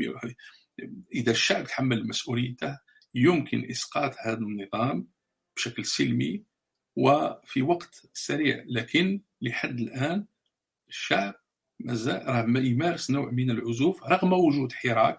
الحراك تم توظيفه فقط من طرف أجهزة داخل النظام لإزاحة حكم بوتفليقة ثم تم شيطانته بعد أن أدى دوره لحد الساعة وهذه قناعتي. لم ينتفض الشعب بشكل حقيقي من أجل تغيير النظام وليس الأشخاص. حتى هذاك الشعار يتنحى كاع هذيك مغالطة وهذاك والرموز الدعوة لإسقاط الرموز ماهوش هو الحل المشكل في النظام الحكم بالأساس في العقيدة نتاعه وفي الايديولوجيا نتاعه. okay. آه سؤال ما هو رأي الضيف في أطماع المخزن آه التوسعية في المناطق الغربية الجزائرية؟ لا يوجد أي أطماع للدولة المغربية التي وقعت الاتفاقية نازلت على أراضيها في 1972 لا يوجد أي أطماع والمغرب ليس بلد توسعي معترف موريتانيا كدولة مستقلة في 1969 اعترف بالحدود ووقع عليها وتم إصدار ظاهر شريف في 1992 وتم تسجيل الاتفاقية في الأمم المتحدة في جويلية 2002 كل هذا الكلام هو تسويق من طرف إعلام النظام لمغالطة الشعب. أوكي. سؤال من الأخ بدر هل ممكن أن نرى نفس سيناريو حرب الرمال آه في أي في الأيام المقبلة أو السنوات القادمة؟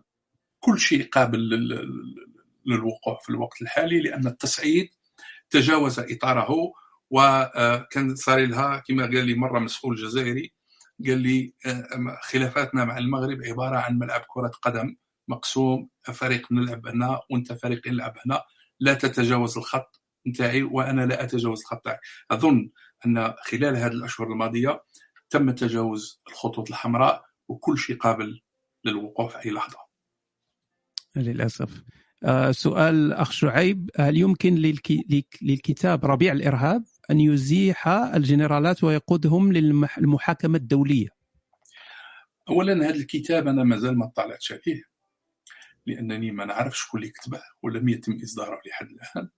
إذا لا يمكن لي أن أحكم عليه okay. مازال ما قريتهش okay تمام. آم...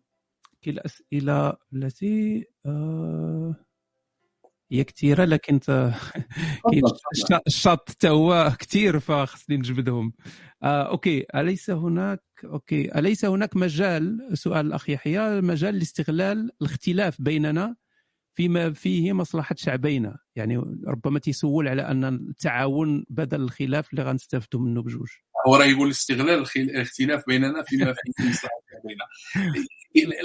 إذا اختلفنا إحنا فإن مصلحة الخلاف هذا راه ضار بالمصلحة نتاع الشعبين لأن عدم وجود علاقات طبيعية بين الجزائر والمغرب هذا أضر بمصلحة الشعبين. وحدود مغلقة لمدة 27 سنة هذا ماهوش في مصلحه لا يمكن تحقيق مصلحة الشعبين في ظل الخلاف ما بين نظام راح يحكم ومع مع بلد جار. لا يقال لا يقال أوكي سؤال من الأخت نسرين عدم تمديد الجزائر عقد أنبوب الغاز الذي يبدأ من الجزائر ويمر عبر الأراضي المغربية لإمداد إسبانيا والبرتغال بالغاز من الخاسر الأكبر في هذا الموضوع؟ هو آه، هنا آه، عندما لا يتم تجديد العقد راك بالنسبة للجزائر راه يعني moins de d'exportation يعني عملية تصدير أقل للغاز الجزائري نحو أوروبا هنا رقم الأعمال سينقص. ولو أن الأسعار نتاع الغاز ارتفعت بشكل مهول لكن راك هنا راك تنقص الإمدادات نتاعك هذه النقطة الأولى. النقطة الثانية المغرب أيضا خاسر في عدم تجديد العقد لأنه كان يتلقى الغاز من أقرب نقطة يعني اللي هي الجزائر وكان كاين محطة توليد طاقه حراريه جنوب وجده يعني المغرب كان مستفاد من هذا من هذا للأسف من هذا الأنبوب استفاد لمدة 25 سنة وبسبب بسبب خلط النظام ولو أن تبون قال إحنا ما نخلطوش الاقتصاد مع السياسة بسبب خلط النظام للسياسة مع الاقتصاد غادي يتم إيقاف تمرين الغاز خلال نهاية هذا الشهر. اذا إحنا كل الجزائر كل المغرب خاسرين في هذا في هذا في هذا في هذا الأمر.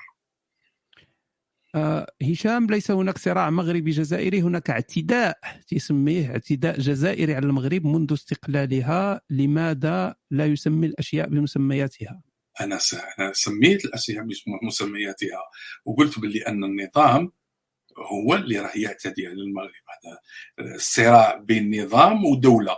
هذا هذا هذا هذا مجرد أنني نقول بأنه صراع بين نظام ودوله هذا ياكد على أنه اعتداء ونظام آه، حكم على المغرب وعلى قضيته العادلة وعلى حقيته التاريخية في أراضيه.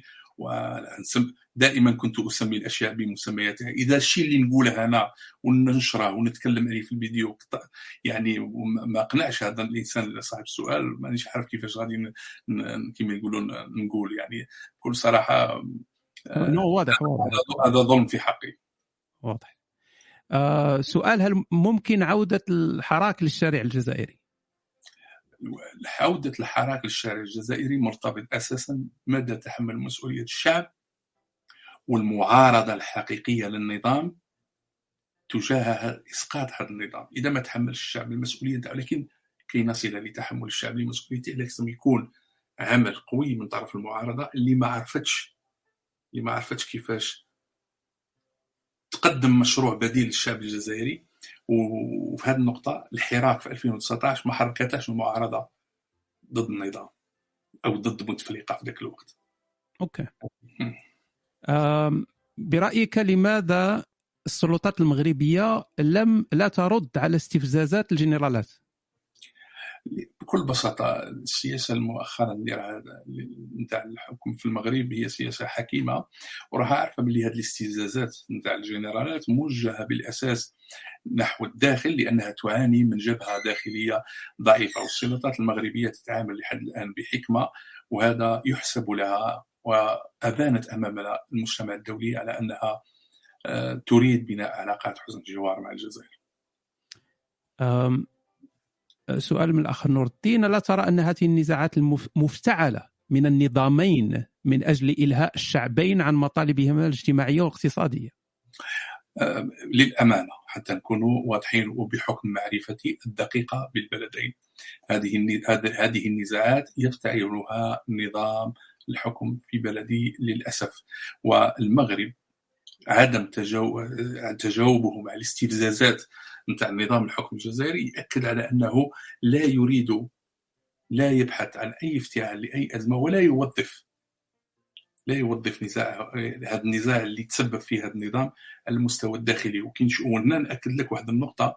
أثناء الحملة الانتخابية مؤخرا انتخابات 8 آه، سبتمبر في المغرب الأحزاب السياسية في الحملة الانتخابية ولا حزب وظف العلاقات ما بين المغرب والجزائر في حملته الانتخابية. وهذا يأكد على أن نظام الحكم في المغرب يبحث على حل الخلافات مع الجزائر. أوكي سؤال من الأخ محمود. السؤال آه، هل يرى الضيف ان احتضان الجزائر البوليزاريو مضيعة للوقت خصوصا مع اعتراف الولايات المتحدة الأمريكية بمغربية الصحراء أم ان هناك مصلحة مستقبلية للجزائر؟ هو آه، أصلا هذا المشكل مضيعة للوقت. والنظام باحتضانه لهذه الحركة ماهوش من أجل كما يسوق للعالم حق تقرير مصير ما يسميه الشعب الصحراوي. لا بالعكس هو يريد هذه الحركة أو هذا الاحتضان نتاع هذه الحركة في إطار كبح جماح المغرب اللي تشكل تحول إلى قوة صاعدة وقطع ارتباطه بالعمل الإفريقي لأن الصحراء المغربية بقائها تحت حكم المغرب. غادي يخلي ان كونيكسيون بينه وبين موريتانيا ومن ثم دول غرب إفريقيا. النظام الهدف نتاعه من احتضانه لهذه الحركة ومن إبقائه على هذا المشكل هو البحث عن الهيمنة والسيطرة وفرض الوصاية على المنطقة. اعتراف الولايات المتحدة الأمريكية كانت ضربة كبيرة للنظام اللي ما كانش يتوقعها. و آه، الأمر ما نقدوش نحكموا عليه في الوقت الحالي لأن حتى الولايات المتحدة ورغم اعترافها بمغربيه الصحراء الا أنها ونظرا ومراعاة لمصلحتها ما تبغيش تقطع مع النظام الحاكم في الجزائر باش تستغله وباش تستفاد منه مثل ما استفادت عديد الدول. أكيد. أه هل تعتقد أن المبعوث الأممي الجديد سينجح في حل مشكلة الصحراء الغربية؟ مستحيل.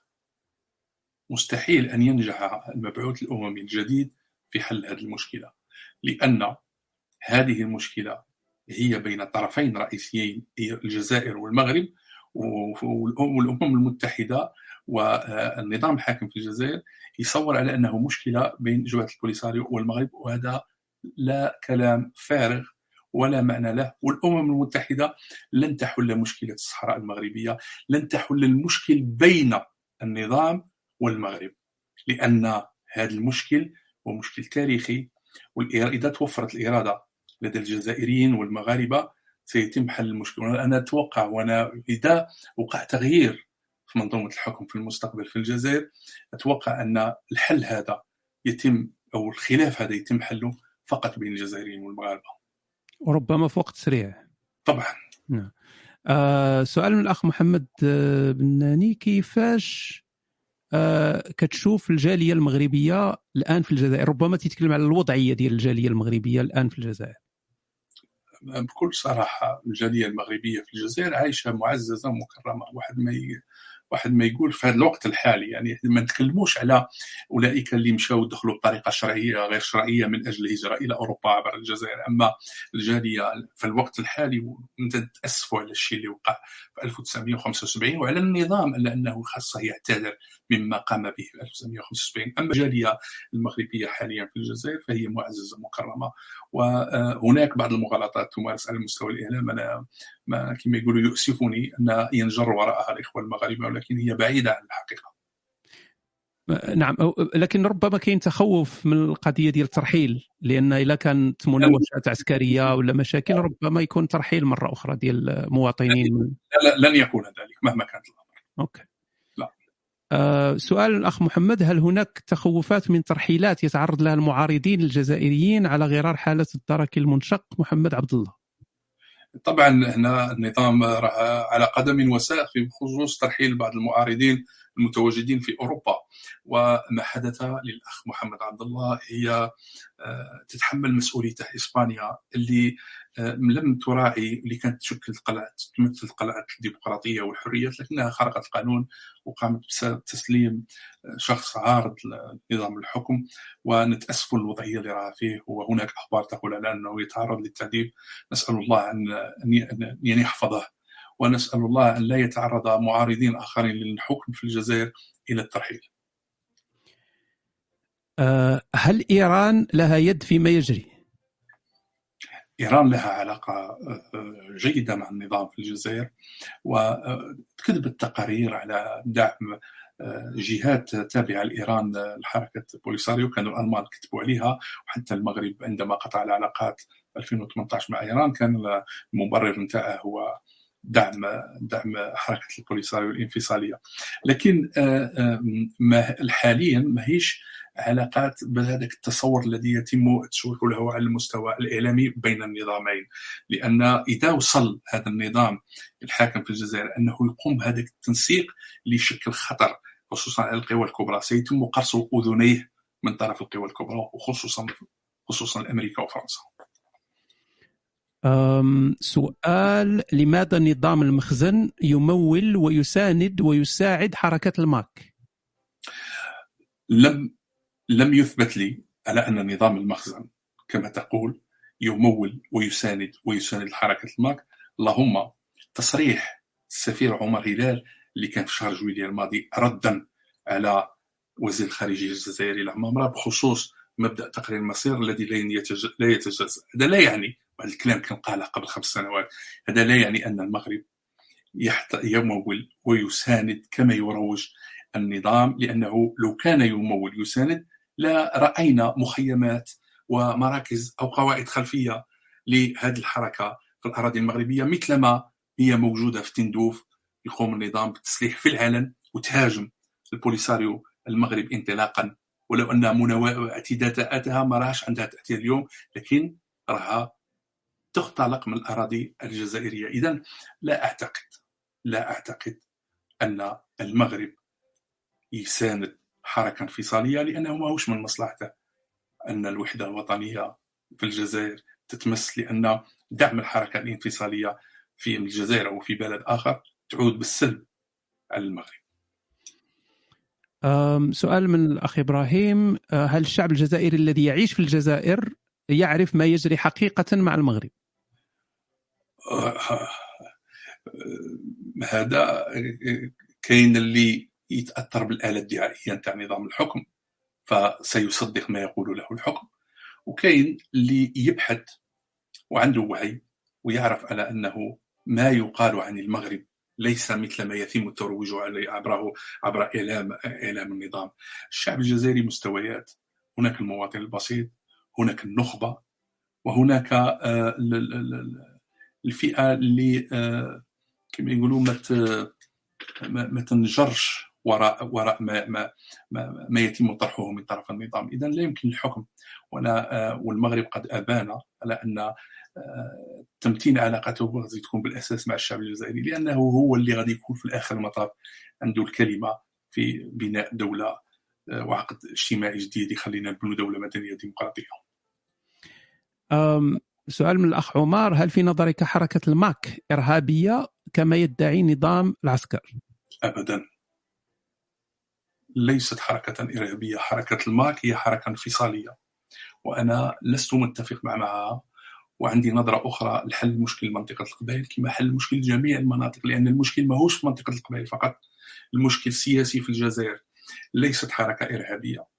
لا هذه تهمة باطلة راه يمارسها النظام باش يبحث عن الشرعية المفقودة.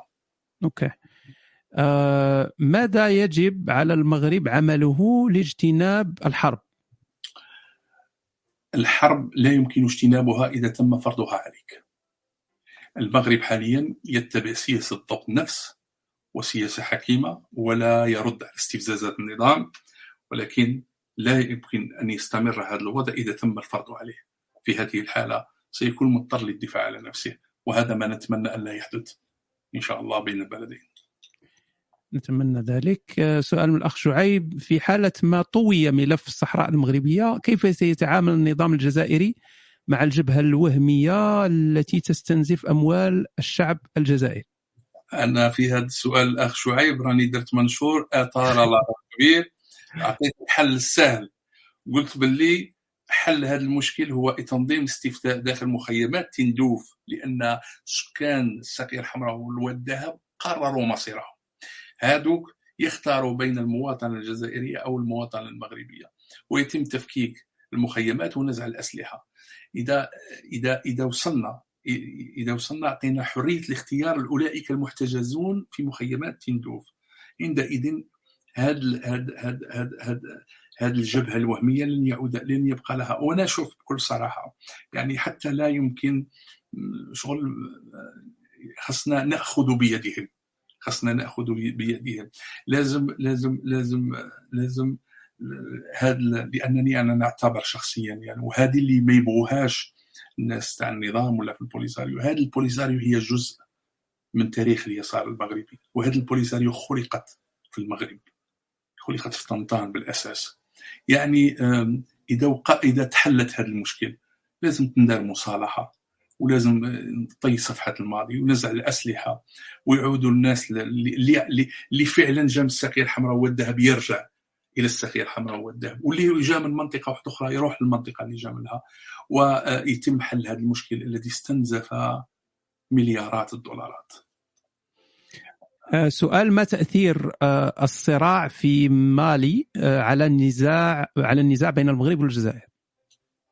الصراع في مالي عنده تأثير عنده تأثير لأن مالي بلد مهم ومالي عنده ارتباط تاريخي مع مع المغرب. اذا هذه الساحة تاع الصراع الموجودة في مالي هي هي من أحد ساحات الصراع النزاع ساحات الصراع بين نظام الحكم والمغرب. والمشاكل مشكل مشكل الصحراء المغربية عندها تأثير على المشكل تاع نتاع الساحل لأن إنهاء مشكل هذه الصحراء إنهاء مشكل الصراع في الصحراء المغربية يساهم بشكل فعلي في إنهاء الصراع والمشاكل اللي موجودة في مالي اللي راها بحاجة الإرهاب بحاجة إلى إعادة ترتيبها وهذا بتوفر النيات لدى الأطراف الداخلية نتاع مالي لدى الماليين الأشقاء ولدى دول دول المنطقة. إحنا الصراع هذا اللي في مالي تأثر بعدم وجود اتحاد مغاربي تأثر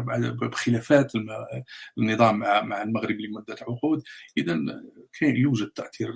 ولو أنه آه، ماهوش بالشكل تاع مثلا آه، النزاع الفعلي حول قضية الصحراء بين المغرب والجزائر. ولكن مالي بلد مهم جدا واستقرار مالي واستقرار الساحل ما يكونش بدون استقرار المنطقة المغربية. هل القوى الغربية في مصلحتها أن يدوم هذا الصراع في المنطقة المغاربية؟ ومن يتكي ما نقولوش غير القوى الغربية نقولوا القوى الكبرى لأن القوى الكبرى ماهيش غير الغربيه الآن طبعا طبعا لأن الصراع هذا مبني أساسا على مراعاة مصلحة القوى الكبرى على حساب مصلحتنا إحنا إحنا إحنا كدول مغاربية اذا إذا وصلوا خصوصا الأوروبيين اقتنعوا بأن أمنهم يكون بازدهار المنطقة المغاربية سي سي سيفكرون جديا في الدعم وإنهاء الاستبداد في المنطقة المغاربية وإنهاء نظام حكم عسكري في الجزائر لأن العسكره اللي موجودة في الجزائر هي اللي مأخرة المنطقة المغاربية بالأساس. ما تأثير الحرب على دول الجوار خصوصا الأوروبية وهل رأيهم مهم؟ وقوع حرب إن حرب فيها مستويات. في الوقت الحالي لا يمكن الحديث عن حرب شاملة لأن حرب شاملة هي الخراب. وقوع مناوشات تأثيرها حتى وإن كانت بسيطة فان ذات تأثير على دول الجوار طبعا. الأوروبيين خايفين.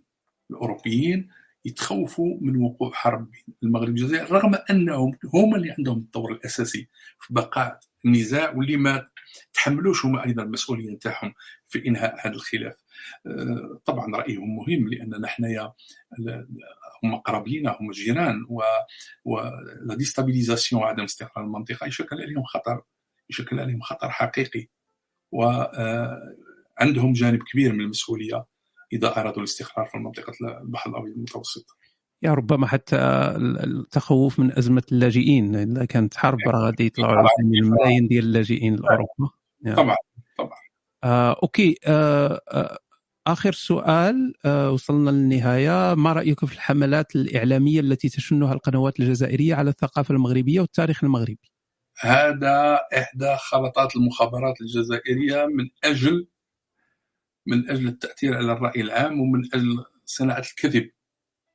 كاين أمور اللي آه، لا يتقبلها العقل وكاين أمور اللي يتم المبالغة فيها حتى من طرف بعض من الإخوة المغاربة. إذا إحنا كما يقولوا كمنطقة مغاربية نقترب ونتشابه في بعض الأمور. لكن كاين واحد الأمور عندها خصوصية تخص الثقافة المغربية نظرا ل وجود المغرب كدولة عريقة تمتد لقرون وهذه الثقافة والتاريخ نتاع المغرب هذا هو مفخرة لنا إحنا كمنطقة مغاربيه لأن كي نتكلموا على دولة اللي كان يسموها الإمبراطورية الشريفة وكانت تمتد لمساحه كبيرة ومنذ قرون هذا هذا آه، يشكل النظام والإعلام تاعها مركب نقص وعقدة ولو أنه في الحقيقة أنه كان هذا النظام عنده النية الحسنة. هذا c'est un plus pour nous هذه c'est une fierté إحنا بالنسبة لنا آه، كمغاربيين. اذا هذه الحملات هي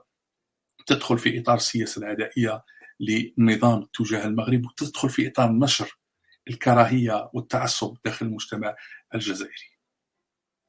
آه عزيزي وليد آه شكرا على هذا الوقت اللي, عطيتينا ورحابه الصدر والإجابة على الكثير من الأسئلة. أنا آسف كاين اسئله أخرى لكن الوقت آه، سال صافي سالينا. فتنتمنى أننا نتلاقاو في حوار آخر ويكون ذاك الحوار في واحد الأجواء ماشي أجواء الحرب أجواء السلم والتعاون الاقتصادي ويكون الأمور تحسنت و... آه، وخا خاوة دائما وخي وخي لي تقال خاوة خاوة شعب واحد. شكرا هشام شكرا جزيلا على هذه الاستضافة سعيد جدا بمشاركتي في هذا في هذا في هذا البرنامج. ونتمنى كما قلت نكونوا في أجواء سلم. ولما لا تكون أجواء مغايرة تماما لأن لا اللي يعرف غير غير ربي اللي يعرف المستقبل واش غادي يصير اذا إحنا إحنا رغم كل شيء نتمنى وندعو الله أن يطيب بين القلوب وندعو الله أن آه، آه، ينزل رحمته ويهدي هاد هاد هاد الناس اللي راهم يبحثوا على آه، مصلحتهم ضيقة مقابل مصلحة الشعبين اللي هي كبيرة. وحنا مصلحة الجزائر والمغرب في علاقات طبيعية وعلاقات حسن جوار واحترام و طي ونتصالحوا نتصالحوا اولا مع التاريخ. نتصالحوا مع التاريخ باش نعرفوا كيفاش نبنوا المستقبل نتاعنا. شكرا لك مرة أخرى ونلتقي إن شاء الله في فرصة أخرى. شكرا عزيزي أنا كنت أسعد بلقائك وشكرا لكل من تابع الحوار ونتلقاو في حوار جديد من حوارات هشام. تحياتي للجميع.